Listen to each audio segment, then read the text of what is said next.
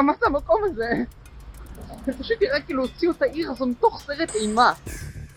היי, אני מורדי, והיום אנחנו נדרג את חמשת המקומות המפחידים ביותר בעולם. לפחות המקומות שאני הייתי בהם.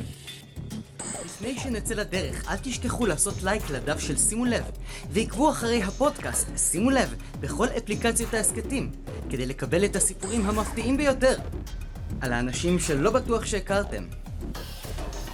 במקום החמישי אנחנו עם סאו פאולו, ברזיל. זו עיר ענקית, מפחידה, והפשע שם לא עושה הנחות לאף אחד.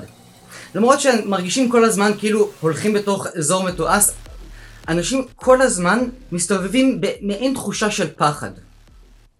יש אזורים שאליהם לא מומלץ להיכנס.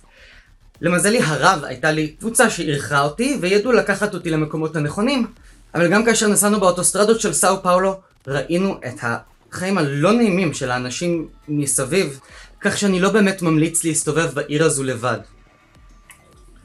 המקום הרביעי, גואנזו. יחסית לעיר סינית שאמורה להיות בטוחה, אני לא הרגשתי שום ביטחון. זה לדעתי אחד המקומות היחידים שבהם הייתי בכל הפלנטה שלא ראיתי אף אדם מהזווית הגנטית שלי, כלומר, אני הייתי אחד בין מיליוני סינים. בין תחושה כזו שבכל מקרה חירום אף אחד לא יבין אותי. מלונות מוכרים, בתי קפה, כולם מוצאים את הטלפונים ומנסים לתקשר איתי בעזרת אפליקציות סיניות. ובשעה חמש וחצי לפנות בוקר, כל זקני העיר עושים ג'וגינג. האינטרנט בסין לא ממש עבד, לפחות לא לי, עם כל מה שניסיתי VPN ולוויינים ולנסות... לא משנה. טלפונים לא עובדים בסין עם גוגל מפס וכל הדברים שעוזרים למטיילים להסתדר בחיים. וזה עניין די מתיש, במיוחד עבורי, כאשר אני תייר ורוצה להגיע למקומות המעניינים. עכשיו, גואנזו זו עיר ענקית, עצומה. אפשר לנסוע שעה במטרו מכיוון אחד לכיוון אחר ועדיין לא להגיע לתחנה הסופית. יש כמה אתרים והמלצות על מה כדאי לראות בגואנזו, אבל זו עיר תעשייתית לחלוטין, לגמרי.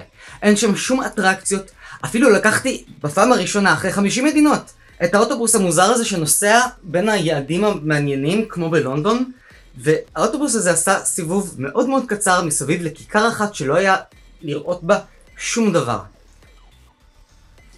המחשבה על מקום כל כך גדול וסואן, בלי פינות חמד, בלי נקודות היסטוריות, מעניינות, תיירותיות, מקום לצאת אליו בסוף שבוע. גואנזו מפחידה כי היא מציגה קצת את העתיד.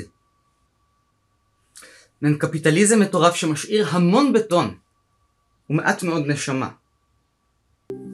במקום השלישי אנחנו עם מינסק, בירת בלארוס. הדיקטטורה האחרונה באירופה. דגלי פטיש ומגל בכל מקום. כאילו נכנסתי למכונת זמן וחזרתי להיסטוריה של אירופה, לתקופה שאני לא ממש מעוניין לחזור אליה בהיסטוריה של אירופה. ככה התחושה במינסק. מקום שני, מקסיקו סיטי. עוד עיר עצומה, ענקית, ובלתי אפשרית, עם המון אפשרויות ואופציות. למזלי, שוב, היה לי מארח שהראה לי את העיר, לקח אותי למקומות הבטוחים, ואפילו, במספר מקרים, הוא אפילו היה עוצר את הרכב בשכונות הבטוחות, ולוקח אותי במטרו, מתחת לשכונות הבעייתיות והמפחידות, לנקודות הבאות שהוא הראה לי בעיר המטורפת והמקסימה הזו. אבל כאשר אני טיילתי לבד, מה שקרה לי מדי פעם לפעם, לא יכולתי שלא להרגיש את התחושה המעיקה הזו שמרגישים כמעט בכל עיר גדולה בדרום אמריקה. ברור לך שהגעת לחלק הלא נכון של העיר. במקום הראשון אנחנו עם הנוי, וייטנאם. המקום שהכי הפחיד אותי באופן אישי.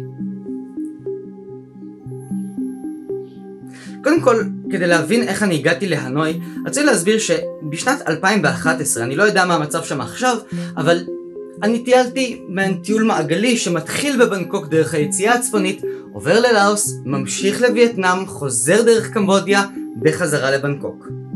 רק שאין מעבר בין מרכז לאוס לצפון וייטנאם, או למרכז וייטנאם. כאשר אני טיילתי באזור, היה מדובר במסע שהיה אמור לקחת לפחות 40 שעות, או 25 דקות בטיסה. נחתתי בשדה התעופה של הנוי, בדרכי למרכז העיר למצוא לעצמי גסטהאוס, אבל ברגע שבו כף רגלי דרכה במרכז העיר, כבר לא יכולתי לשאת את הרעש, את ההמולה, ובעיקר את האופנועים שחותכים דרך איי התנועה וכמעט דורסים אותי. אוקיי, במשך השנים אני דיברתי עם עוד אנשים שטענו בפניי שגם עבורם הביקור בהנוי גרם לרעש והמולה של רחוב להפוך לחרדה ופחד של ממש. באופן כללי הווייטנאמים כאן נורא נורא נחמדים, אבל רק חבל שזה קורה רק כשאני לובש חולצה עם דגל וייטנאם עליה. מסכימים עם הרשימה? מה המקום הכי מפחיד שהייתם בו בעולם? כתבו לי בתגובות.